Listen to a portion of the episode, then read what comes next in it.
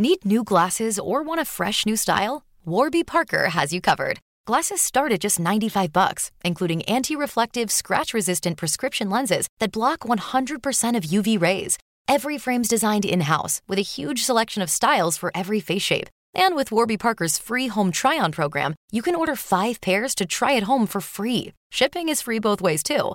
Go to warbyparker.com slash covered to try five pairs of frames at home for free. warbyparker.com slash covered. I'm Sandra, and I'm just the professional your small business was looking for. But you didn't hire me because you didn't use LinkedIn jobs. LinkedIn has professionals you can't find anywhere else, including those who aren't actively looking for a new job but might be open to the perfect role, like me.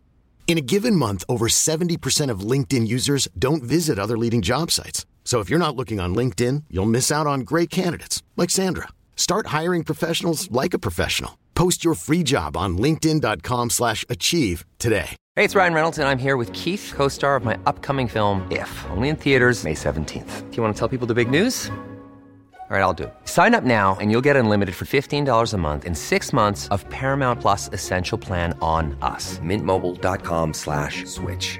Upfront payment of $45 equivalent to $15 per month. Unlimited over 40 gigabytes per month. Face lower speeds. Videos at 480p. Active Mint customers by 531.24 get six months of Paramount Plus Essential Plan. Auto renews after six months. Offer ends May 31st, 2024. Separate Paramount Plus registration required. Terms and conditions apply if rated PG.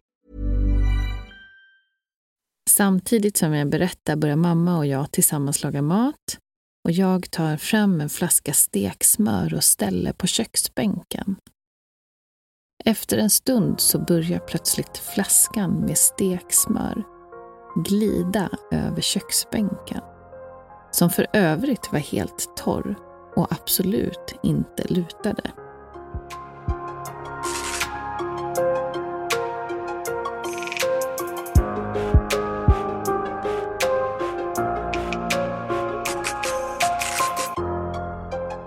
Hur var din halloween, Ida? Ja, men den var bra. Vi var ju ute och spökade runt i, i området här. Jag var ute med barnen. De var ju supertaggade. De har ju Oh, laddat för halloween nu i en vecka. Mm, vad kul. Mm, ja, men det är kul. Alltså gud vad det växer, det här med halloween. För varje år Mm. känner jag. Och vad Ja, alla... men man ser det på gatorna i områdena. Alltså, alla går ju ut utklädda. Alla men- förutom mina barn.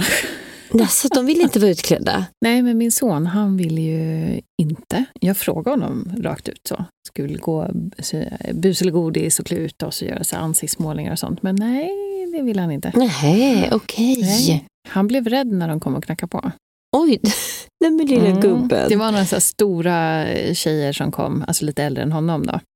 Men nej, så han vill inte. Nu får ni få flytta till orten lite hårdare här. Blir lite mer Mm. härdade här så att eh, det har ju ingenting med... Skojar. Eh, Men... Det är man inte rädd för något. Exakt. De hade ju blinkande LED-mask och, Mm. och jag, gjorde, jag har ju lärt mig att göra sådana sår vet du, med latex så det verkligen ser ut som riktiga läskiga. Ja. Och så riktigt otäcka Gud, ut. Kan inte vi göra det? Bara sådär. Ja, jag vill göra det. Ja. Och så lägga upp i podden. Våra sociala medier. Ja, vi kan väl klä ut oss en fredag om du vill En det. liten läskig bild. Ja, du tänker så. Ja, Jag vill också lära mig. Åh gud, ja, men jag såg, jag var på um, Gröna Lund, är det igår? Ja, igår. 31 Jaha. och gick på det här Halloween på Gröna Lund. De har ju verkligen pyntat eh, ordentligt. Alltså. Jag- Jag blev faktiskt Mm. imponerad. Förstod att entrébiljetten var lite dyr. Ja, vad häftigt. Jag har sett lite Mm. klipp och bilder därifrån. Det ser ju jättespännande ut. Men jag har tänkt att de är lite för små än för att gå dit. Men eh, det kanske funkar då. Alltså det funkar ju på den här lilla delen. Eh, lilla Gröna Lund. Ja, det finns ju två Eh, delar. Och sen ja. om man går på dagen också. Mm, ja, då blir det lite skillnad. Det är det ljust. Ja. Ja, ja, kanske göra nästa så år då då. det ganska bra. Mm. Spännande. Ja, och någonting annat som är spännande. Vad är det då? Mm. Tror du? Idag. Dagens avsnitt. Du ser ut som ett frågetecken. Ja, vad tror du? Tänkte göra en så bra övergång här, men nej du. Ah, nej, jag tappade det totalt. Så otroligt osynkade idag. Nej, men det, det fina med dagens avsnitt... Skriv bättre manus. Ja, faktiskt. För preppa lite mer. Ja, jag tror det. Ja.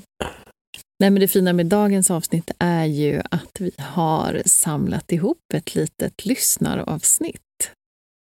Vi är superglada. Vi har ju fått många, många inskick av olika sorter där ni, våra lyssnare, har ja, men berättat om era egna upplevelser. Uh, oförklarliga liksom, på ett eller annat sätt. Jag älskar ju när det blir egna berättelser som folk delar med sig av. Det blir så mycket mer trovärdigt. Det är faktiskt vad folk på riktigt har upplevt och inte mm. bara suttit och hittat på. Ja, men man känner lite också så här, ja, det är inte bara jag, tänker jag också. Ja, absolut. Mm. Ja, vi får se vad ni, eh, vad ni känner. Eh, jag tänkte att jag startar och eh, tänkte att vi skulle prata lite om sömnparalys. Vi pratade ju om det för, jag vet inte vilket avsnitt det var riktigt, det var väl kanske något spökavsnitt lite grann. Mm. Och då var det, hade vi en lyssnare som nappade på det avsnittet och hade sin egna upplevelse där. Så tänkte jag bara att jag skulle, för jag vet inte om vi pratade så ingående just om sömnparalys eh, då, eller vad vi sa riktigt. Men jag tänker att jag bara ska nämna några ord just, vad, vad, är, eller vad säger man att sömnparalys är för någonting? Mm. Och då är ju det ett tillstånd mellan sömn och att vara vaken. För att när man håller på att falla in i en sömn så gör hjärnan så att man stänger av musklerna, de, de så kallade viljestyrda musklerna, för att man inte ska kunna röra sig när man drömmer. Och ibland så sker det då att de här, den här muskelavstängningen görs innan man hinner somna helt. Eller att den liksom är kvar när man, eh, eh, ja, när man håller på och vaknar, när man har vaknat. Och det är då det kallas att man har en sömnparalys. Och när man har det så kan man inte röra sig, men ofta så fungerar eh, ögonen fortfarande så man kan titta runt så. Men att man kan inte röra sig och man kanske börjar hallucinera, eh, att man ser någon i rummet som rör sig. Man kan inte prata, men eh, och ibland kan det också kännas nästan som att man kvävs, att man inte får någon luft, att man kan, kan inte andas. Alltså det känns ju spontant väldigt obehagligt. Mm, precis, och man kan lätt drabbas av både rädsla och panik mm. när man har det här. Det kan man förstå. Och ofta så är det bara några sekunder upp till en minut som det här varar, men ibland så kan det också vara upp till tio minuter. Eh, och studien visar att eh, det är oftast människor mellan 10 till 25 år som drabbas av det här tillståndet. Ofta så kanske är personer som lider av typ av stress eller ångest eller posttraumatisk stress, eh, depression eller ja, kanske någon annan psykisk ohälsa. Eh, det kan också, eh, man har väl gjort något test också, det kan vara genetiskt det här.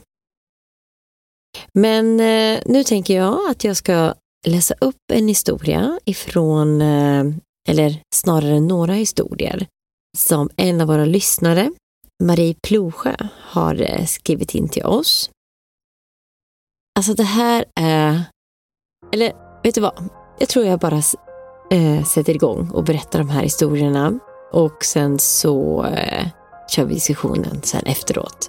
Men det är väldigt, väldigt obehagligt i alla fall. Och eh, hon berättar så här.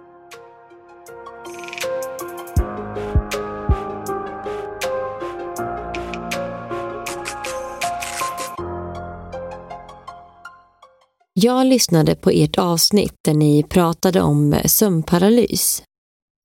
Jag har varit med om tre sådana händelser. Och för mig är det svårt att tro att någon som verkligen varit med om det här endast tro på den lite luddiga förklaringen som ges när det handlar om forskartermer. Det finns ju som sagt väldigt lite forskning gällande det här. och mycket beroende på att det inte sker regelbundet för den som är med om det. Min första upplevelse av det här var runt 2003-2005. Jag var tillsammans med min dåvarande pojkvän. Han började jobba tidigt på morgonen och brukade alltid pussa mig innan han gick iväg ifrån min lilla etta i Västertorp. Jag sa hej då och så hörde jag hur han stängde ytterdörren om sig. Bara några sekunder senare så hör jag hur han öppnar ytterdörren igen och jag hör att han går in i rummet där jag ligger i sängen. Jag kan dock inte röra mig, så ser bara i ögonvrån hur någon eller något går in i rummet. Jag försöker prata, men är paralyserad. Eftersom att jag bara ser det som en skugga i ögonvrån som går omkring så känner jag att jag får panikkänslor. Min pojkvän skulle definitivt ha gått fram till mig om det vore han. Sen försvinner figuren och jag släpps i paralysen. Ingen dörr slogs igen efter det. Ingen var i lägenheten. Jag var chockad. Övertygad om att jag var vaken och förstod inget alls av det som hände. Försökte söka efter rimliga förklaringar på nätet och hittade då något som förklarat sömnparalys. Därefter var det lugnt fram till våren 2019. Jag hade gått upp tidigt för att vara på sjukhuset med min dotter. Och efter det så hade jag lämnat henne på förskolan. Jag var så himla trött så jag, jag la mig i sängen på rygg för att ta en powernap. Jag somnar och vaknar av en stark känsla av vibrationer. Det kändes som att ni skulle föreställa er att någon satte på en superstor och stark fläkt som gjorde att kroppen lyftes upp i sidled. Som om kroppen skulle dras in i fläkten. Jag lyftes i sidled och allt i kroppen skakade. Och det lät som när man byter frekvens på radion. Det var höga vibrerande ljud och det drog i kroppen. Jag kunde inte riktigt prata men jag tänkte, vad är det som händer? Är det så här det känns när man dör? Det känns som om någon försökte byta frekvens på mig. Jag nästan talade det här inom mig varpå jag då hör röster som säger Hon är för medvetande. Hon hör. Direkt släppte det som höll mig i sidleds och ljuden försvann. Då föll jag in i en vakuumliknande känsla. Som att jag svävade i universum ett tag. Inte särskilt länge innan jag vaknar ur paralysen. För så kändes det som. Som jag först blivit väckt och vid yttrande om mitt medvetande så var det som att jag blev sövd igen. När jag då vaknade så var jag så svettig. Som jag hade kämpat. Jag flåsade och var andfådd. En fruktansvärt obehaglig upplevelse. Efter det här så blev jag övertygad om möjligheten att vi kanske lever i parallella universum. Vi är ju energier, så kanske är det därför många äldre och barn ofta ser syner. När vi är närmare en annan frekvens så kanske mer blir synligt.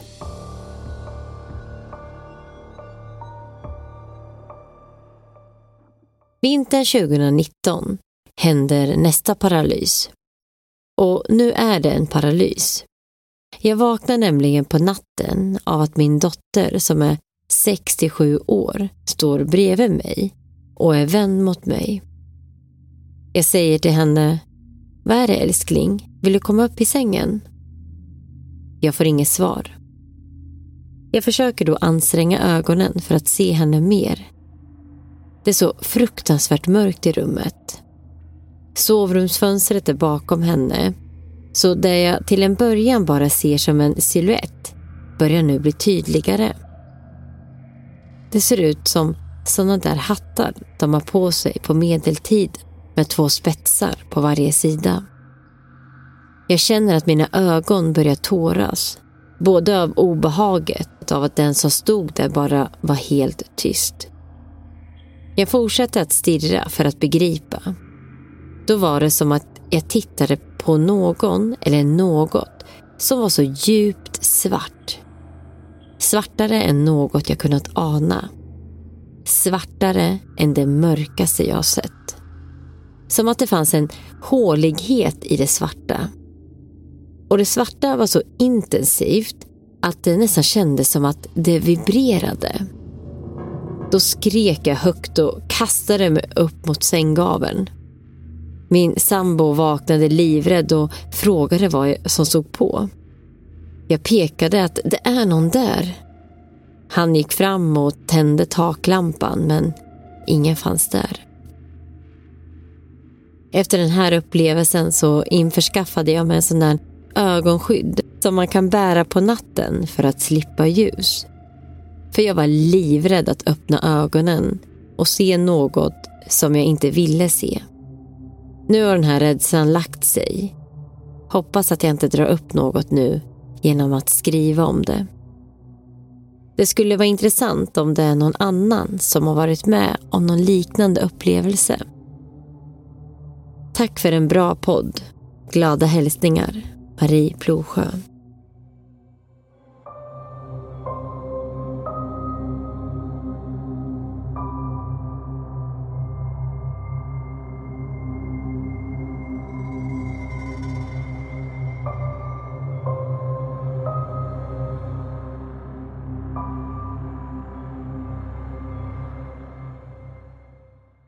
Annan berättelse som vi har fått in som kommer från eh, en annan av våra lyssnare som heter Minna Hansson och också rör det här temat men eh, har en liten annan twist.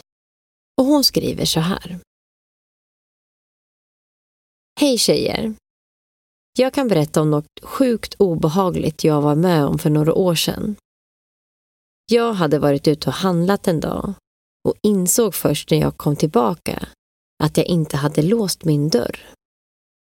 Jag bor ensam och är vanligtvis supernoga med det, som ensam tjej. Men äsch, tänkte jag, det är lugnt. Samma natt så vaknade jag av att det satt någon precis vid foten av min säng och drog i mitt täcke. Skepnaden var helt svart, typ som en skugga. Men det var ju i och för sig kolsvart i rummet så det kan ju ha varit därför. Och den liksom gjorde ett sörplande ljud. Som när man försöker suga upp det sista ur ett sugrör. Jag tänkte att det måste vara en sömnparalys det handlar om, trots att jag faktiskt kunde röra mig. Så jag bara låg still med andan i halsen och väntade. Helt plötsligt så ställer sig den här figuren upp och liksom springer ut mot mitt kök och min hall. Jag kände verkligen hur greppet på mitt täcke släppte och jag hörde fotstegen. Som sagt, jag tänkte hela tiden på att det här måste ha varit en sömnparalys, så jag somnade om efter ett tag. Men jag låg stel av skräck ett bra tag innan dess.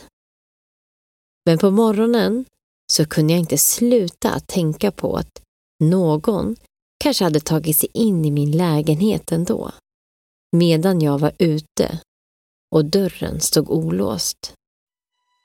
För jag kunde ju ändå röra mig medan det här skedde. Och jag brukar aldrig få sömnparalys annars. Men vad vet jag?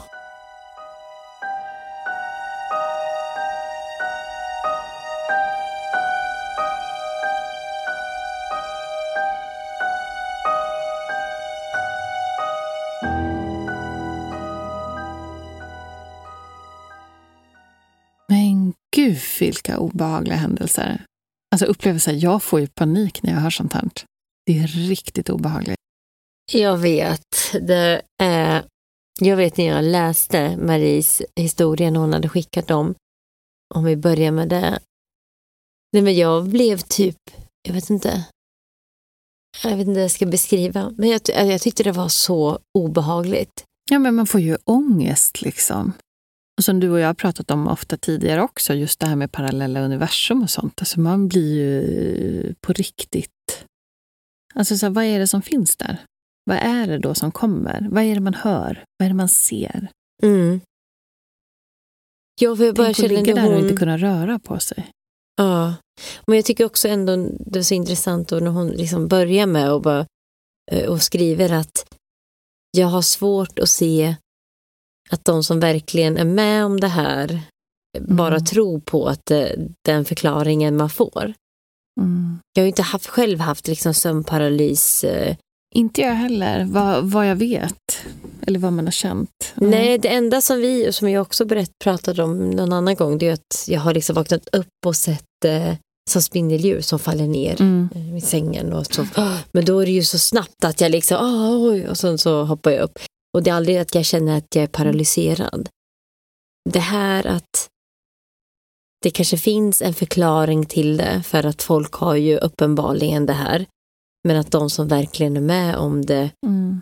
kanske känner på ett helt annat sätt än vad, liksom, nej men det där stämmer inte riktigt. Det ska vara intressant att höra fler Mm, folk som har upplevt det här.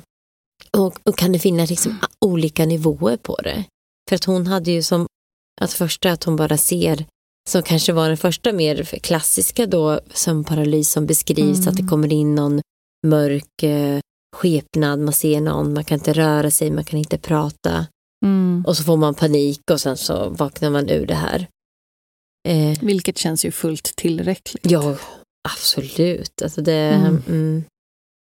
så, eh, så fruktansvärt. Alltså på riktigt, jag tycker det. Nej, jag kan inte ens liksom, man kan inte föreställa sig att uppleva tagen ur det. en skräckfilm och bara se en svart skepnad som Ja. kommer närmre. Och att man inte riktigt kan urskilja vad det är heller. Nej. Mm. Eller som den andra då när hon ser det här, den här mannen, ja det vet jag och för sig inte om hon sa att det var man, men någonting med någon hatt i alla fall. En skepnad. Ja, Mm. Och det har ju också, för det tror jag jag nämnde då i det här avsnittet när vi pratade, att många ser som en hattman. Bara det tycker jag är jättekonstigt. Varför gör man det? Vem, Mm. vem är den här personen? Eller det, det men här? Alltså, jag har ju också sett en hattman en gång i tiden. Men du har ju jag om jag har berättat sagt det. det. Har Jo. inte jag sagt det innan? Jo. Ja. Men du kanske har haft något sånt här tror Och jag. jag undrar det. Jag bara, var jag paralyserad då? Ja, men man kanske inte vet det. Alltså, Jag vet inte, jag var så liten då. Ja. Då var jag ju ung liksom. Var hemma hos mina föräldrar. Jag kommer ihåg det. Alltid när jag gick över. Jag drömde typ mardrömmar och så gick jag över till mina föräldrars säng. mm. Och skulle jag somna. Och så kom ju alltid den här hattmannen då.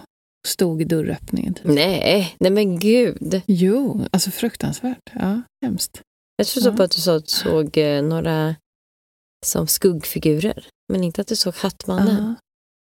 Nej, men, inte- ja, men en hattman, alltså som en, eh, en mörk skepnad med en så hatt. Ja, det var eh, hatten. Ja, du ser. Det är Mm. så konstigt. Mm. Men okej, om vi går tillbaka då. För att hennes Ja, fy. andra Mm. historia... Ah, förlåt, nu känner jag att jag är nere i din historia. bara- Ja, jag vet. Åh, Hur fy. ska jag sova i natt? Ja. Jag kommer komma tillbaka till dig nu när du har pratat om det här. Nej, säg, inte- säg ingenting. Stopp! Ah, la, la, la, la, la, la, la. La, la, la, la, la. Lugna ner dig nu. men, ja, men om vi går, om vi Tillbaka går, till Marie och tillbaka till om vi Minna. går tillbaka till Marie då, hennes eh, ja, men andra historia då när hon berättar Mm. hur hon lyfts upp och känner hur hon eh, Mm. eh, vibrerar. Och att någon säger hon är för medvetande. Hon hör. Alltså det där, jag, jag rös så mycket när jag läser det. Jag var, nej men gud, jag orkar inte. För vad är det då Mm. som... Och då börjar jag tänka på Mm. ehm, ja, men den här eh, simulationsteorin. Det finns ju en sån teori att vi lever i en simulerad värld. Mm. Som till exempel han Elon Mm. Musk har ju sagt att ja, men Jag tror att det är typ en på biljonen att vi inte lever i en simulerad värld. Man bara, ja men vad bra då. Ja, en på, jaha, tack Elon. Exakt tack. det jag behöver höra. Och då tänker jag på, eh, jag tänker på Matrix. Att, eh, Mm. Tänk dig att vi ligger i sådana där eh, Ja, ja visst. Ja, Kub, ja. ja. Kub, ja, vad ska jag säga? Kuber? Nej, jag vet inte. heter det? Nej. Nej, vänta. Ja, men det är så, Jag kommer inte Sådana Boxar. boxar. Jag kommer inte på något Men att tänk att de är det då och sen håller de på att göra någonting med henne där. Så att det, det är det som gör att hon, hon kanske tvättar henne med så här högtrycks... Mm. Men gör, ja, jag tänkte att hon så vibrerar. Nej. Men att man gör någonting där och sen så börjar jag märka att hon Mm. blir för medvetande och så bara, oj, nej men gud. Vi trodde hon sov. Hon börjar vakna och Ja. då injicerar aj. någonting så att hon Mm. somnar om. Så tänkte jag först, jag bara, åh, jag orkar inte. Ser du, nu, nu är vi sån där. Nej, så jävla jobbig Mm. tanke. Nej, jag orkar inte det. Och tänk om det är så. Jag kan inte ta, ta, jag kan inte ta emot det här, Ida. Ja, nej men det var Det går en, eh, ja usch.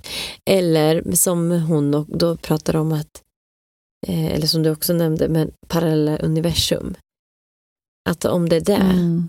men vad är det då som finns när vi är i det här stadiet eh, mellan sömn och, eh, och vara vaken? Att vi, vi typ väldigt Mm. sällan vi hamnar i det. Tänker, eller är det någon så här, tänk om det är någon, något tillstånd som typ vi människor egentligen inte ska hamna i men så råkar vi göra det ändå och då är vi nära den Ibland. här Mm. eh, att vi kommer närmre någon annan Mm. dimension eller frekvens eller vad man säger.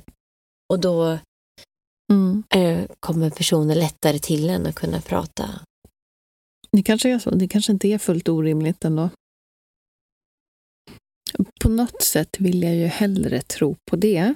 Ja, jag med. Jag än att vi med. lever i en simulerad värld och någon annan styr en. Liksom. Ja, Vi bara lever i något så matematiskt spel. Nej, usch. Då, då tror jag hellre på parallella universum och att vi någonstans kan landa i liksom att vi har en Ja, men där vi får kontakt liksom. men då undrar man om den här personen då, eller vad det här säger att det, Mm. alltså bara, hon är för medvetande, hon hör. Och sen är det som att Mm. de söver, eller att hon blir sövd igen. Vad är det då som, vad vill den, de här personerna som, Ja, vad vet jag. Jobbig tanke bara. ja, ja, ja men det är ju, eh, vet. nej men jag läste ju lite, gick in på Reddit för jag tänkte bara få se liksom om man typ söker på sömnparalys och vibrationer. Och då var, alltså fick jag ändå upp väldigt många som alltså har känt den här känslan av att man eh, eh, vi, vibrerade och att man då också hör mycket eh, den här statiska ljudet eller ja, folk förklarar lite Mm. olika men att det är någon så här som en frekvens eh, ja, Mm. omslag som man hör byter frekvens på radion, liksom, att man hör det ljudet. En liten storm. Mm. Mm. Oj, vad spännande. Det måste jag nästan läsa lite om. Men det hade varit i alla fall väldigt spännande att veta om det är någon annan som har känt det här som eh, Marie då har känt. Så att, eh, Mm. eller om ni vet om någon som också har eh, varit med om någon liknande händelse så får ni ju jättegärna skriva det till oss. Ja, men framförallt just det där som dels det här med vibrationer och det, och så just att man känner sig låst, liksom, att man inte kan röra på sig. Men att man ändå är vid ett Mm. visst medvetande. Det är ju det som Mm. skiljer sig mot den här Minnas berättelse. För Mm. så, och hon kunde ju Oh, ändå men känna liksom att hon kunde röra sig, men, men jag menar, skönt på ett sätt om det hade varit en sömnparalys. Mm. Ja, att hon har lite, besök av en varelse som sitter liksom och drar i hennes täcke och surplar. Ja, det, Än att det hade varit liksom, om dörren har varit olåst och någon har smugit sig in, då har ju någon liksom gömt sig där tills hon ska gå och sova. ja, alltså för hennes del så hade jag ju önskat att det var en sömnparadis hon faktiskt hade. För det är ju Nej men, nej men fy, alltså det var så obehagligt att veta att någon har varit Mm. inne, kanske då har varit inne i hennes lägenhet. Och sen sitter på hennes säng och gör det här. Nej, nej. Jag kan inte- jag ska härma. Nej, fy fan alltså. Då är det någon som inte är frisk heller. Nej, förmodligen inte. Och sen springer ut, hör fotsteg. Nej men åh gud. Ja, Åh, vilken fruktansvärd alltså, grej att vakna upp till. Ja, och så börjar jag tänka bara, hmm. Alltså för att det, vad där jag har läst om sömnparalys, då är det ju verkligen att man är paralyserad. Så att det är ju, an, alltså antingen har hon ju drömt Mm. det här. Eller så, eh, Jag hoppas ju verkligen det. Du vet att eh, hon kanske har... ehm, men man blir lite stressad och typ... Så man, man jagar upp sig själv. mm, Att det har varit olåst. Eh, och tänker att gud, någon kanske har varit här. Och då kanske det tar sig in i drömmen. Alltså jag hoppas ju verkligen det. kändes ju inte som att hon tänkte på det. Utan Nej. att hon tänkte på det först på morgonen, att bara hmm. Så att det var inte det Nej. egentligen hon tänkte då och var rädd Nej. för. Utan, Nej, efterhand känna Men bara att- okej. Var det där på riktigt eller var det? mm. Eller så kanske det var något annat som var besökte henne. Ja, men det kan det ju också vara. Hon såg ju bara någon svart eh, silhuett. Mm. Du vet ju var vi brukar landa någonstans. ja, exakt. Och det tänker jag med Marisa också, tänk om det är där då. Mm. Att det är något Utomjordiskt, som eh, tar kontakt och det är så de kan få Mm. kontakt med oss. Precis, så att det blir någon slags här telepatisk kommunikation där så att vi, ja jag vet inte, på något sätt lyckas de göra någon slags översättning, du vet, så att vi förstår. Alltså du vet när man blir eh, abducted, vad säger man på svenska? Ja, Tagen. Av, Ja, men bortförd, bättre med blir abducted. bortförd. bortförd, ja. Ja. det låter ju Mm. bättre. Eh, tänk om det här är en del av det på något annat. När de väljer ut sådana som ska bli bortförda Mm. så gör, man gör de någonting så att man hamnar i en här sömnparalys eller man blir paralyserad fast man är typ medvetande. Och det är så de kan, eh, jag vet inte, Jo, men jag tycker, alltså, ta prover på oss. eller vad de nu gör. jo, men jag menar, hur skulle de annars göra? Komma hit och jaga oss liksom runt? Alltså, det skulle ju inte gå. De måste ju på något sätt, om det nu är en utomjordisk liksom, aktör i det här, Aktör i det. Då måste det ju vara på något sånt sätt som det sker. Annars är det ju bara helt orimligt, Mm. tycker jag. Ja, Det låter jättekonstigt annars. lite Ja, så. så att jag tycker, nej, det finns nog lite olika spår att gå på här. Det är bara intressant, som du säger, också, höra just om det är fler som har just känt det här också. Åh gud, nu blir jag så intresserad av det här. Nu vill jag bara ha massor sådana här historier Ja. och veta. Vi kanske ska bli de här som verkligen gör en stor utredning kring eh, sömnparalys. Tar in berättelse. Faktiskt. händer? Alltså, Vad vi känner man? kanske Vad ett dedikerat man? avsnitt i alla fall. Ja, Mm. precis. Det kanske vi ska Ja, göra. det. Uff. Eh, Ja. Yes. Ja, väldigt. Tack snälla för de här historierna. Väldigt obehagliga. Ja, man önskar ju själv att inte vara med om det. Fast ändå blir jag så här, jag bara, gud. Skulle, alltså, det är lite så här motsägelsefullt för sig. Jag, jag skulle ju liksom inte vilja gå till ett spökhus, men skulle man vilja veta om man blev liksom så här, alltså du vet att man blev simulerad av någon. Tänk om man skulle kunna liksom nästla sig in i den världen i så fall. Om du är medveten om det här när du hamnar i en sömnparalys så liksom på något sätt kan så här, Ja, men har du sett Åh. Matrix? Den där Ja, Matrix-världen är ju inte toppen härlig heller nej det är inte toppen härlig, men eh, vi kan ju hoppas att det är en bättre värld. Ja, det kanske det är. Ja. Mm. ja, nej, jag vet inte om man skulle vilja veta det. Nej.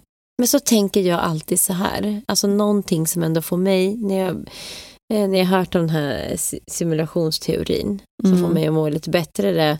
Okej, men de som då styr oss ifrån den här, Mm. är de också simulerade? Eller vart kommer de ifrån? Alltså Mm. någonstans måste det ju finnas ett stopp på Mm. vem som är äkta. Eller vad är frågan, vad är äkta då? Liksom? Eller jag vet, oh, nej, det blir så. vi är förmodligen inte äkta då, eller vadå? Nej, men jag tänker de som Mm, styr oss då, inte de heller äkta? Eller någon, eller Ja. så kanske de också är simulerad. Och då blir det så här, Mm. ja men hur många nivåer finns det? Eller det kanske slutar med att ja, men då kanske det faktiskt är vi som är äkta. För vem, vem vet vem som är äkta då till slut?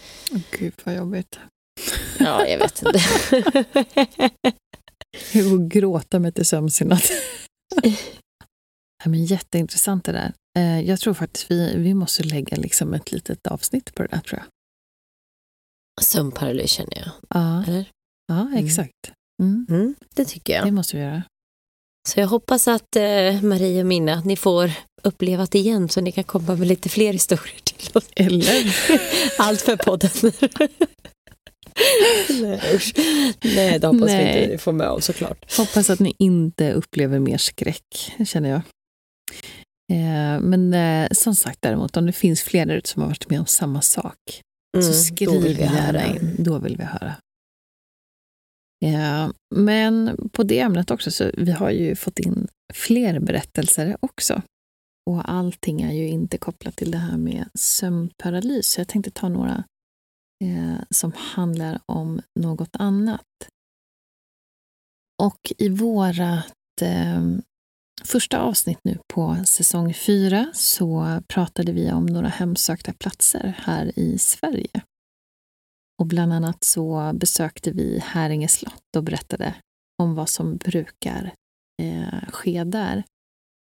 Och efter det här då var det en av våra lyssnare som hörde av oss till oss och berättade vad han då hade fått uppleva på Häringe. Så här berättar han.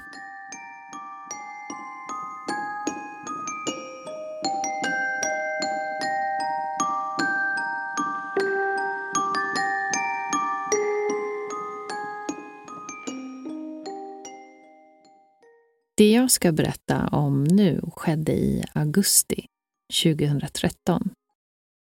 Jag hade gjort en bokning på Häringe slott och bokat ett av rummen som var belagda i en av flyglarna, närmare bestämt sjöflygen. Jag har aldrig varit mottaglig eller liknande för andra sidan, så några möten eller annat har jag aldrig varit med om fram tills den här gången. Dagen och kvällen fortgick utan några konstigheter. Jag intog en god middag och njöt av sällskapet innan det var dags att gå tillbaka till rummet för att få lite sömn. Under dagen och kvällen när jag hade befunnit mig i rummet så upplevde jag inget konstigt. Det var som vilket rum som helst. Men när jag kom tillbaka för natten så var stämningen helt förbytt. Det var en tung stämning i rummet och jag kunde nästan ta på det. Tänk dig att komma in i ett rum fyllt med folk som är arga och irriterade på dig. Jag kände mig uttittad när jag gick omkring, när jag borstade tänderna och när jag lagt mig. Under hela natten så sov jag inte mer än en timme totalt. Och jag upplevde det som att någon rörde sig runt i sängen. Inga ljud, inga syner eller liknande. Men en obehaglig och tryckande känsla. När morgonen kom så gjorde jag mig i ordning och gick ner för frukost. Väl på slottet igen så frågade en anställd om jag hade haft en god natt. Jag berättar ju precis som det var att jag aldrig upplevt något liknande. Hon tittade på mig och log lite lätt. Det du beskriver, det är du inte ensam om, var hennes svar. Jag kände mig helt perplex och bad henne berätta. Och hon berättade hela historien om Häringe slott och vad som hänt barnen. Och det visade sig att rummet som jag sov i var det rum som flest människor upplevt denna känsla i. Jag har inte varit tillbaka till Häringe sedan dess, men känner att jag måste åka dit en gång till. Jag vill ju se om jag kommer uppleva samma sak den här gången.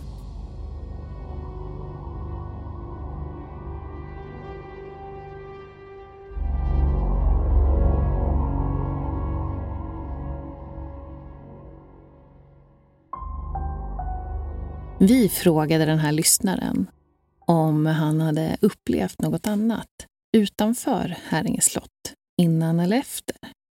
Och det här var hans svar på det. Hej! Jag har inte varit mottaglig eller känt av besök. Men jag har faktiskt en till historia. Vi bor sedan tre år i ett stort hus som började byggas 1892. Eh, det byggdes som bostad för direktörerna nere på bruket.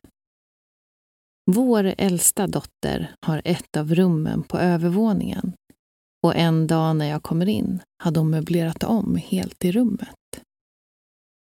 Jag sa, jaha, gillar du inte rummet som det var? Varpå hon svarade, jo, men jag ställde sängen framför garderobsdörren för att någon eller något trycker i handtaget och jag vill inte att det ska komma ut. Och det här var några berättelser från Delan och Koyo.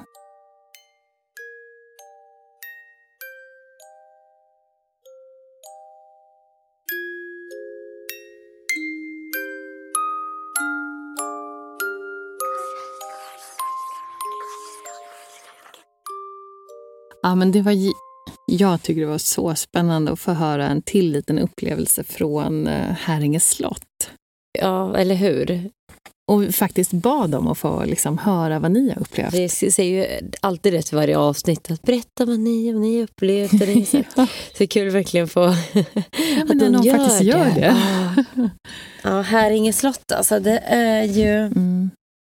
Men vi fick aldrig veta vilket rum det var. var det... Nej, inte vilket rum, men det var sjöflygen. Så att absolut, om du, det kan vi fråga om faktiskt, vilket rum det var. Men jag tänker det skulle om det var samma rum, för sa han att han hade känt någon som var runt i sängen. Mm. Tänker om det var den här Axel Horn, hette han det? Gud vad jag kommer ihåg. Ja, jag tror ja. det. Gud vilket ja, minne. det hade jag verkligen. Ja. Wow. Nej, det skulle kunna vara. Det finns ju mycket aktivitet i hela den sjöflygen. Det var ju som eh, jag och min syster, vi sov i ett rum där, eh, inte där han sov.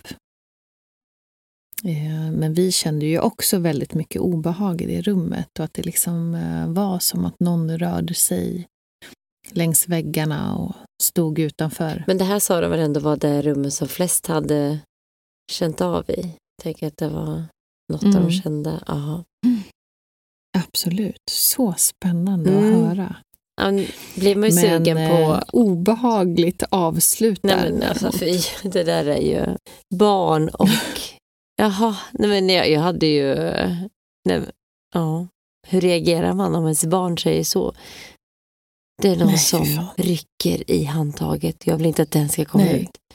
Alltså jag, jag skulle, jag vet inte, då skulle jag flytta därifrån. Hur gammal var Vet du det? Nej, jag har ingen ålder. Äldsta dottern. Mhm, mm, äldsta mm. dottern, ja. Hon är... Ett hus som byggdes 1892. Mm.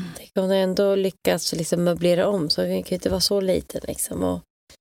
Men ändå ganska, att, att hon ändå var så lugn och bara, ja, nej men, jag har möblerat om. Och inte kommit och sagt någonting innan till dem. Att ja, jag känner, det är någon som rycker i handtaget. Utan Nej, det är liksom, de kommer ja. på henne att ha möblerat och då kommer det fram att hon kanske är så van med det där. Så bara, ja. Nej, exakt. Eller bara... Ja, våga inte prata om mm. det. Så kan det mm. ju vara också. Man kanske på något sätt inbillar sig. Obehagligt hur som helst. Ja, fy. Jag hoppas att ni ja, att det där stannar där inne. Det skulle vara spännande att höra om, ja exakt, men det skulle också vara spännande att höra om det är något annat mm. ni upplever från huset. Ja, det kanske i och med att det bor sånt äh, gammalt hus så kanske det kommer hända fler saker. Så att mm. uppdatera oss om händelser. Mm. Jag har ju också en äh, liten kortare historia från Magnus Åkesson. Och eh, han börjar med att säga att Hej tjejer! Måste först berömma er för er fina podd som jag rekommenderar till alla jag känner. Ni har behagliga röster att lyssna till bägge två. Tack Magnus, känner jag. Och att vad kul att du rekommenderar oss till alla du känner. Mm, det tycker jag ni andra också ska göra. Mm, helt rätt. Tusen tack. Ja, och han har ju då varit med om en hel del och skickade in några av de berättelser till oss. Och han skrev så här.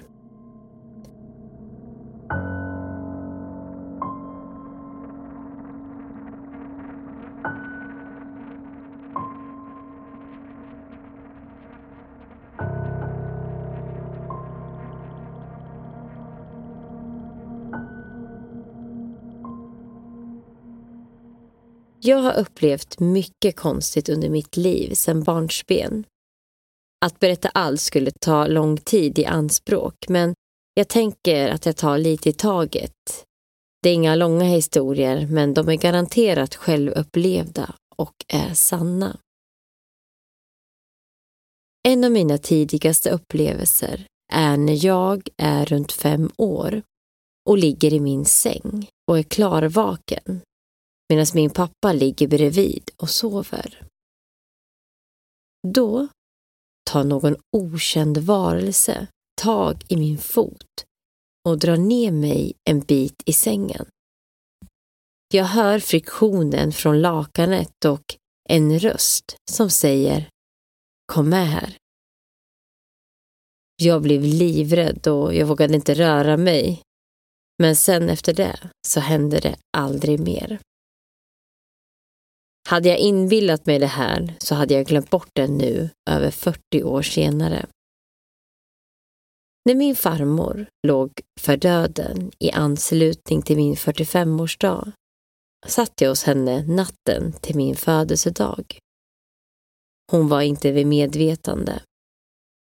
När jag sitter vid hennes säng så hör jag ytterdörren öppnas med en nyckel och någon kommer in och ställer av sig skorna. Inte så konstigt, tänkte jag, i och med att hon hade hemsjukvård. Men det konstiga är att sen blir det helt tyst. Och mina katter, de reagerar också. När jag efter någon minut kollar vem som har kommit in så finns det ingen alls i huset. Det är tomt. Det här hände natten mot en fredag och natten mot måndagen hände exakt samma sak. Dörren öppnas och någon går in och sen så blir det tyst. Farmor avled sen på måndagen den 9 mars 2020, lugnt och stilla. Men hon hade när hon var vid medvetande sett sin mor gå runt i köket och undrade då varför hon inte kom in. Men så kom de där nätterna är jag ganska säker på att det var min farfar som kom för att hämta farmor till andra sidan. Det känns i alla fall bra att tänka så i alla fall.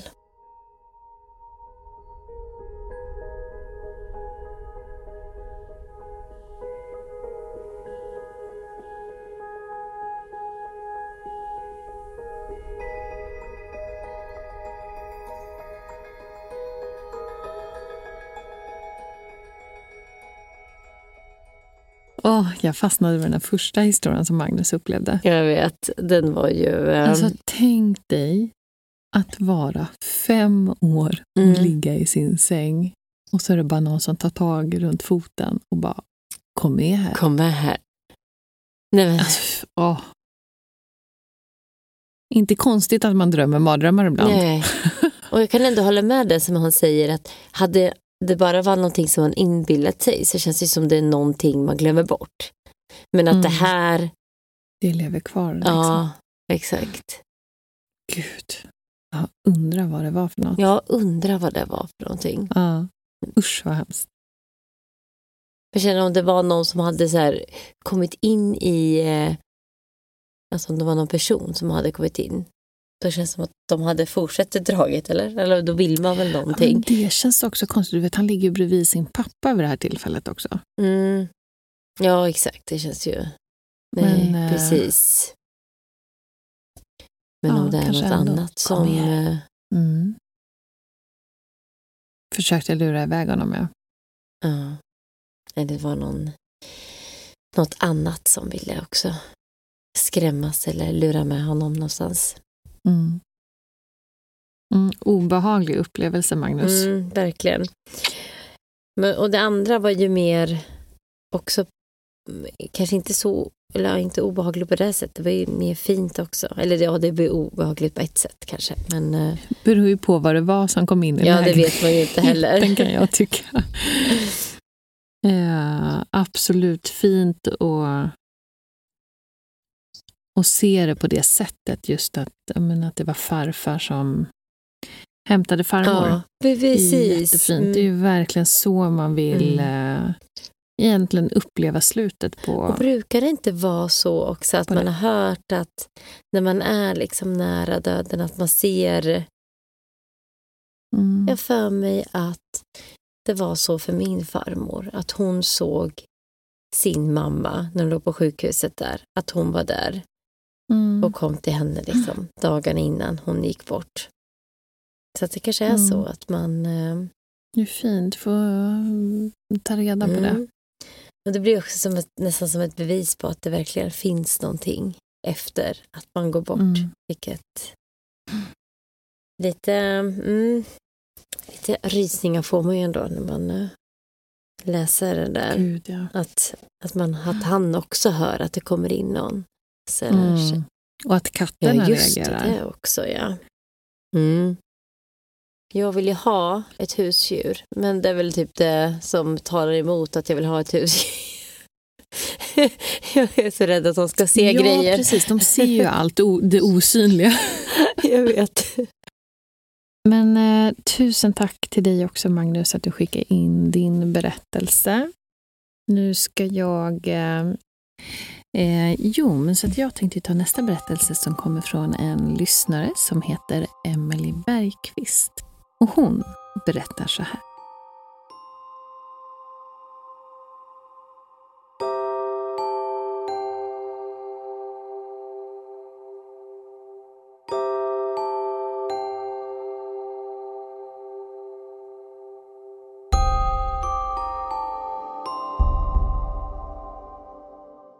Hej Söndagsmysteriet!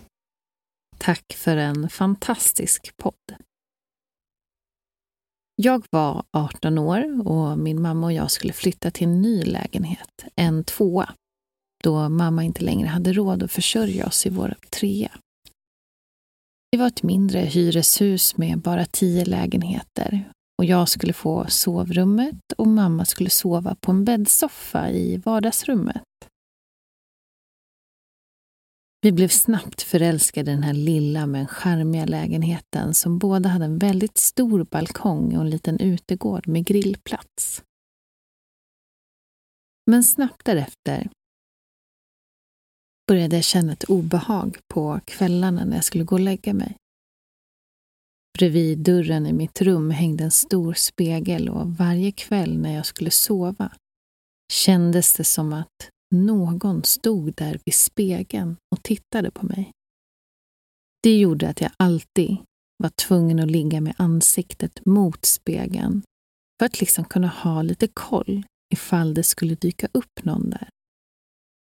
Jag kände mig så himla bevakad. Känslan växte och jag började gå med ryggen slickad mot väggen på kvällarna för att vara säker på att ingen var bakom mig. En dag kom jag i kontakt med ett medium via en kollega till mig.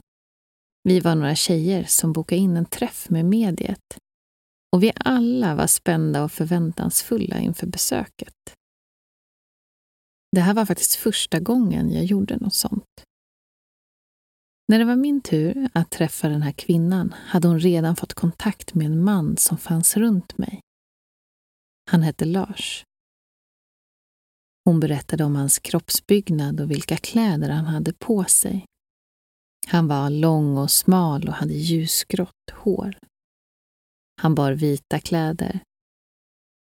Och den här vintern så hade jag inga vinterskor då jag tydligen tyckte att mina tygskor var alldeles för coola för att bytas ut.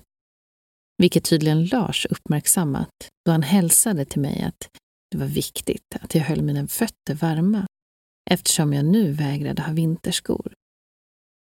Och han gav mig då tips om att ta en hutt whisky då och då.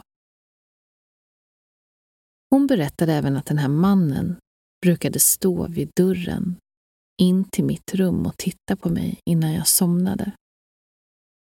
Det var alltså hans närvaro som jag förmodligen kände så starkt hemma. Mediet förklarade att han var som en skyddsängel för mig, vilket var tvärt vad jag hade känt av. Allt kändes bara väldigt, väldigt obehagligt. På väg hem från mediet så begrundade jag det jag nyligen varit med om. Jag såg fram emot att komma hem till mamma och berätta om allt jag upplevt. Och väl hemma så hinner jag inte ner än att öppna dörren och kliva in i hallen. Då hör jag ett ritsch och så åker alla vinterjackor, mössor och vantar ner från klädhängaren precis framför näsan på mig. Det var en sån här klassisk anordning som finns i de flesta lägenheter med två hyllor som det hänger krokar under. Även mamma som var hemma reagerade och kikade ut från köket och undrade vad jag höll på med.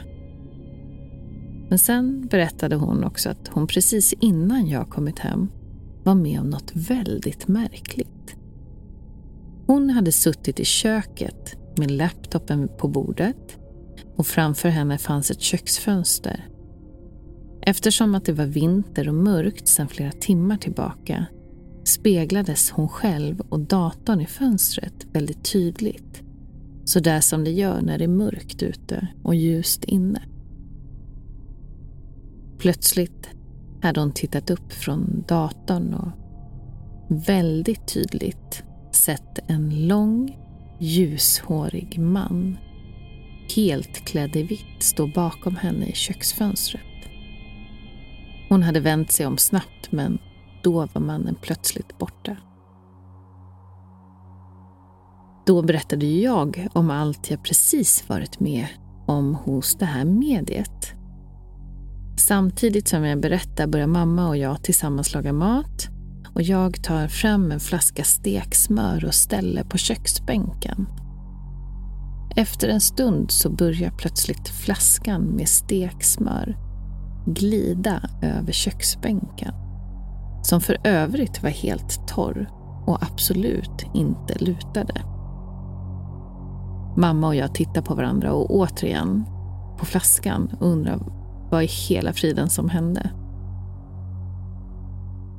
Och därefter så hände många konstiga saker i den här lägenheten. Jag satt ofta med benen i skräddaren när jag satt och åt i köket. Och mamma hon började flera gånger be mig sluta sparka henne på benen. Det kunde ju jag omöjligt göra eftersom mina fötter var på min stol. Och mamma som sov i vardagsrummet såg vid flera tillfällen, mitt i natten, en puckelryggig vålnad vid hennes säng. Och så det allra märkligaste vår ringklocka till ytterdörren gick sönder så hyresvärden kom och monterade en ny. Det var en helt vanlig ringklocka som lät pling plong när någon ringde på. Men det var bara det att den här ringklockan började ringa en lång melodi varje natt klockan 03.00. Jag kände inte igen melodin sedan tidigare men det var en melodi som tog cirka 5 7 sekunder att spela. Och det gick bara om och om tills vi hade gått upp och tittat i tittögat för att varje natt konstatera att ingen stod utanför dörren. En tid senare så valde vi att flytta därifrån. Den som flyttade in efter oss var faktiskt min bästa vän, så hon hjälpte oss att flytta därifrån och vi hjälpte henne att flytta in. När vi flyttade in min kompis så såg både hon och jag en svart massa sväva upp för trappen till våningen ovanför medan vi höll på att bära in en möbel. Jag besökte ofta min kompis och min mammas gamla lägenhet och min olustkänsla, den blev bara starkare och starkare medan min kompis mer viftade bort det som hade hänt. Det konstiga var att dörrklockan, den hade slutat spela sin nattliga melodi. Min kompis jobbade vid den här tiden natt på en fabrik i vår stad och gissa vad? Ringklockan, den hade istället börjat spela samma melodi varje dag klockan 15.00. När min kompis låg och sov. Ungefär då började min kompis också tycka att det här var ju faktiskt rätt läskigt. Hon var även med om flera sömnparalyser i den lägenheten där hon upplevde att djävulen satt på henne och upprepade ord på ett annat språk som för henne var okänt. Ändå visste hon att den sa Du ska dö. Du ska dö. Du ska dö.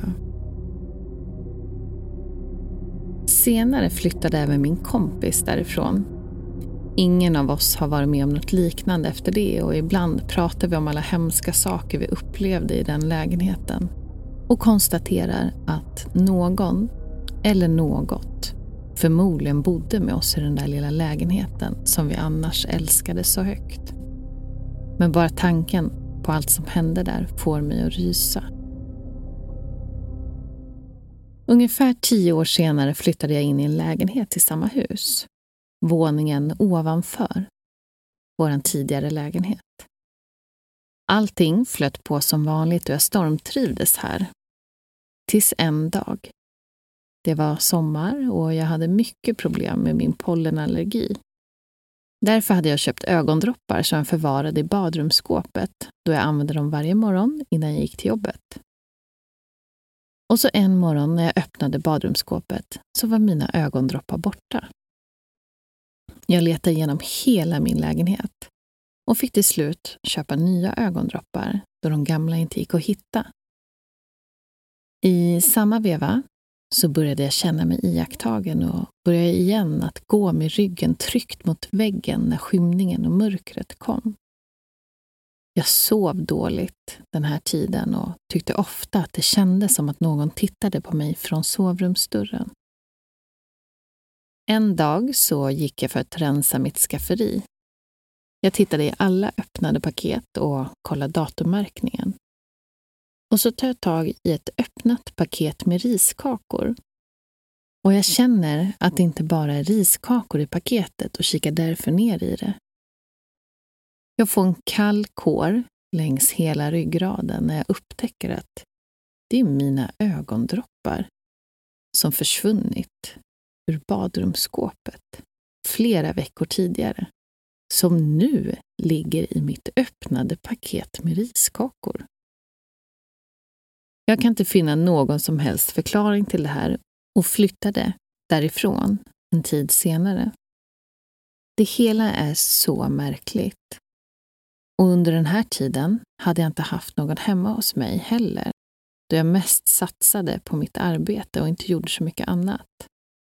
Frågan är ju bara vem eller vad som gömde mina ögondroppar i ett paket med riskakor.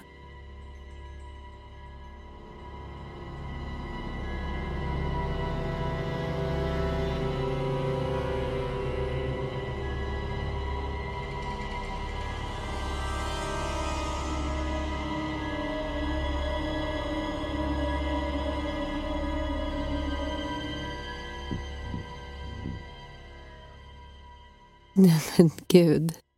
Nej men jag blev typ tårögd när över. Jag bara, nej men gud, det här var ju typ det värsta jag hört tror jag. Mm. Tack Emily. Ja, om jag fick ångest för andra så vet jag inte vad jag får på det här. Det var ju... Jaha, okej. Nej, jag vet. Jag får också lite så här ångest. Fy vad, alltså så här, det var ingen vidare skyddsängel. Lars var det. Nej. Men frågan om han... eh, Du vet, det kanske var en skyddsängel där också. Ganska dålig. Det kan ju verkar ju. Verk, Kunde tro det. Eller någon som utsåg sig för att vara skyddsängel. nej, jag tänker mig att det var något Alltså, sånt. sa sig vara. Ja, Mm.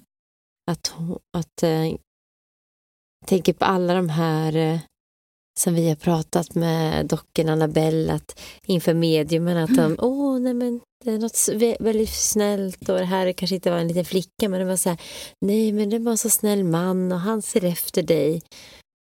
För Mm. att hon ska bjuda in den här Lars lite mer då, kanske. Nej, men exakt. exakt. För jag tänker, Ja. skyddsänglar, jag har inte jättestor erfarenhet av i och för sig vad de gör och inte gör, men att jag tänker ändå att de bara finns där. Att de inte är sådana som visar sig och börjar eh, göra så att man känner ett obehag eller att de Mm. aha, river ner saker eller nej, men usch, och jag Nej, ser eller den här ketchupflaskan Eller vad det är som flyttade på sig. Nej, smör var Nej. det va? Ja. Alltså steksmör. Steksmör, Mm. ja. Mm. Nej, jag tänker det också. Så de finns ju mer runt omkring och bara här, bara av ren händelse så blir man inte påkörd vid övergångsstället. Alltså, ja, jag tänker också att det är lite lite sådana mer- saker. Ja. Eh, som man inte märker av, som du säger. Ja, Men här är ju verkligen någon som gör sig hörd. Ja.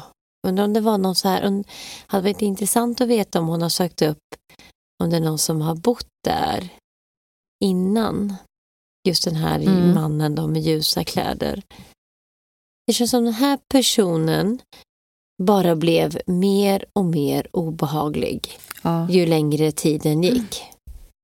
Att det började lite så här, ja, någon känsla till att faktiskt gjorde fysiska saker, inte fysiska saker, eller så, jo, men fysiska saker och visar sig då för hennes mamma till exempel att han verkligen, eller om det är samma person som eh, eller gör att hennes kompis då upplever den här som demonen eller vad det var som satt på hennes, det var ju, åh. Alltså djävulen som sitter på den och du ska dö. Fast ändå på ett annat språk. Ja, men ändå att hon förstod då vad han sa på något sätt. Att...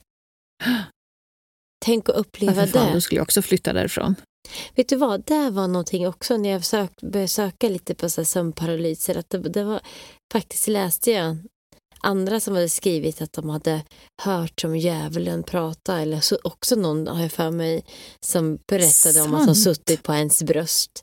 Alltså så här, Nej, fy fan. Ja, Nej, alltså jag, eh, jag vet inte, alltså jag satt och rös nu också när jag berättade. Alltså jag fick rysningar över hela kroppen. ja. Det var fruktansvärt att bara uppleva det. Och jag tänkte också på den här, intressant med den här svarta massan som de såg sig röra i trapphuset också. Vad det nu kan ha varit som liksom bara visar sig som en massa. Ja, då såg de ju verkligen någonting. Att det, det var ju så, alltså hon, var ju, hon har ju varit med om Mm. så mycket saker.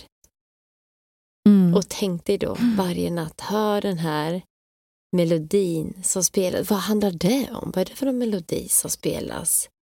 ja, men är det någon som försöker locka ut den till något? Eller vad? Men ändå att de också tittar igenom nyckelhålet.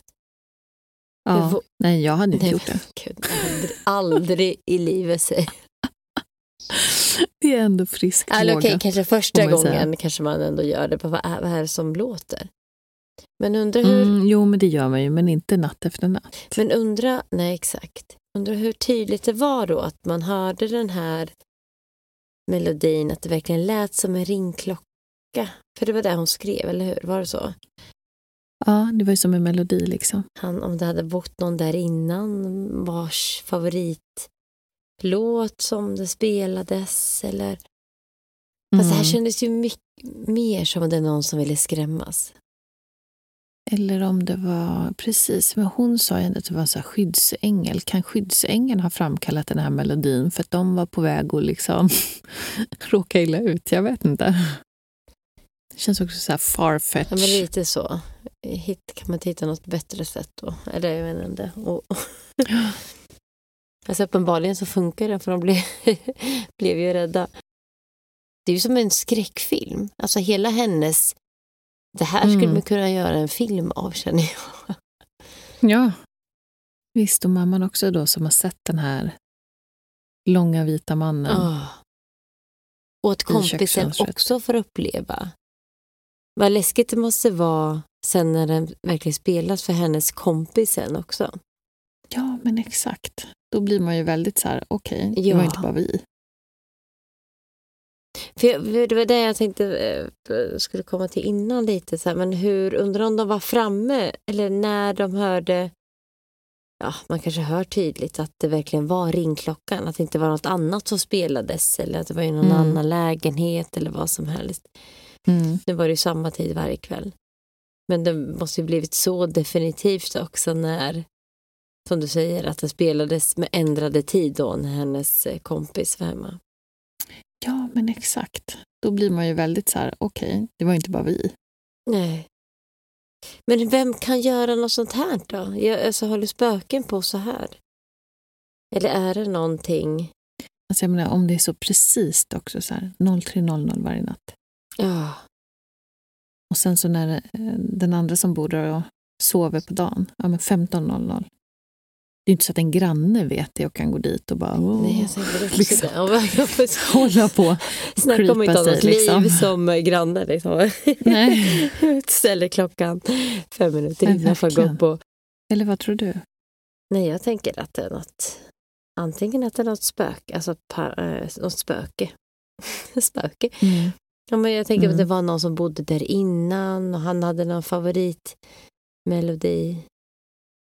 Ja, jag vet tusen alltså. Mm. För det, är så, Ja, så kan det ha varit. det är en, en sak om det var liksom deras egna klocka men att det här var något helt annat som Mm. spelades. Mm. Nej, och det här har ju inte liksom flyttat med dem sen heller. Ja, Förutom den med riskaka. Eller, när- vart, eller var det Ja, hennes och det var ju boende? lägenheten ovanför. Det var ju samma Nej. hus.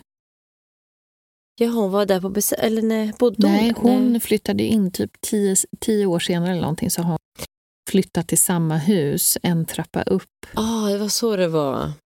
Så då är det ändå i anslutning huset, men liksom när de inte har bott där så har de inte känt av någonting på samma Nej. sätt. Så att, som du säger, det kanske är någon som har bott där innan eller någonting som har koppling till huset. Det här är vår andra dokumentär som vi ska göra, eller utredning. Det här huset, om vi kan få adressen så borde man Ja, liksom adressen så åker vi gå dit. och dit och intervjua alla grannar runt Åh, om. Liksom, och de som bor där.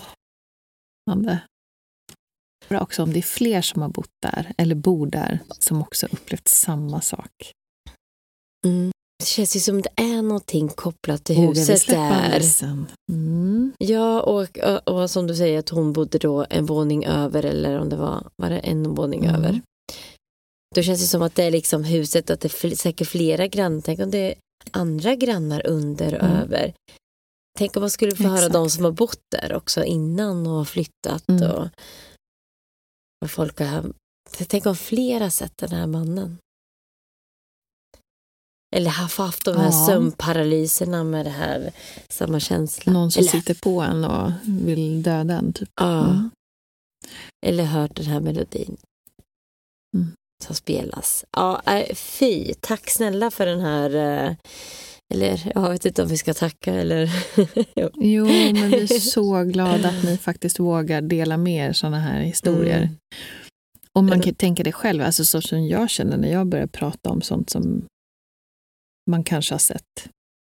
Så blir man ju så här, åh, fast Mm. man inte får återuppleva det här nu. Så liksom att ha suttit och skrivit det här, eh, ja men vi är jättetacksamma, verkligen. Ja, väldigt obehaglig berättelse. Jaha, nej men... eh, Ja, det var det vi hade. Så himla, så himla kul att... eh, Det är säkert så här kul hundra gånger nu, men eh, jätteglada över att ni har eh, skrivit in berättelser till oss, att vi har fått läsa dem. Och det har, eh, ja, samma här. inte kunna Gud, eh, somna gott i natt. Jag är väldigt, väldigt glad också. över att jag inte är ensam ikväll. Nej, men det är samma här. Det är, det är jättekul, som vi sa innan också, att det, det känns som ett litet så här milstolpe att kunna ha ett lyssnaravsnitt. Jag är så himla glad för det. Hoppas att vi kommer kunna ha flera sådana här. Eh, så att eh, fortsätt att skriva in era berättelser mm. så eh, hjälps vi åt att skrämma skiten ur varandra. Faktiskt. ja, hoppas ni sover lika illa som oss nu så hörs vi ju om två veckor igen. Det gör vi. Mm. Och glöm inte att uh, gå in och uh, lämna kommentarer, lämna betyg eller bara om ni gillar vår podd, självfallet. Mm. Vi vill inte ha några ettor. Utan nej, nej, nej. bara höga betyg. uh, Definitivt. Och, och skicka in era upplevelser. Så, och skicka in. Mm. Exakt. Så blir vi jätteglada. Det blir Men ta hand om er så hörs vi. Om två veckor blir det nu, mm. nästa avsnitt.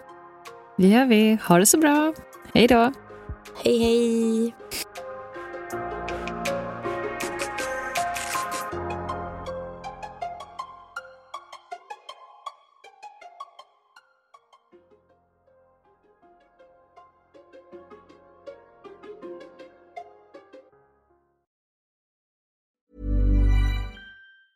Need new glasses or want a fresh new style? Warby Parker has you covered. Glasses start at just 95 bucks, including anti-reflective, scratch-resistant prescription lenses that block 100% of UV rays. Every frame's designed in-house with a huge selection of styles for every face shape. And with Warby Parker's free home try-on program, you can order 5 pairs to try at home for free. Shipping is free both ways too. Go to warbyparker.com/covered to try 5 pairs of frames at home for free warbyparker.com slash covered.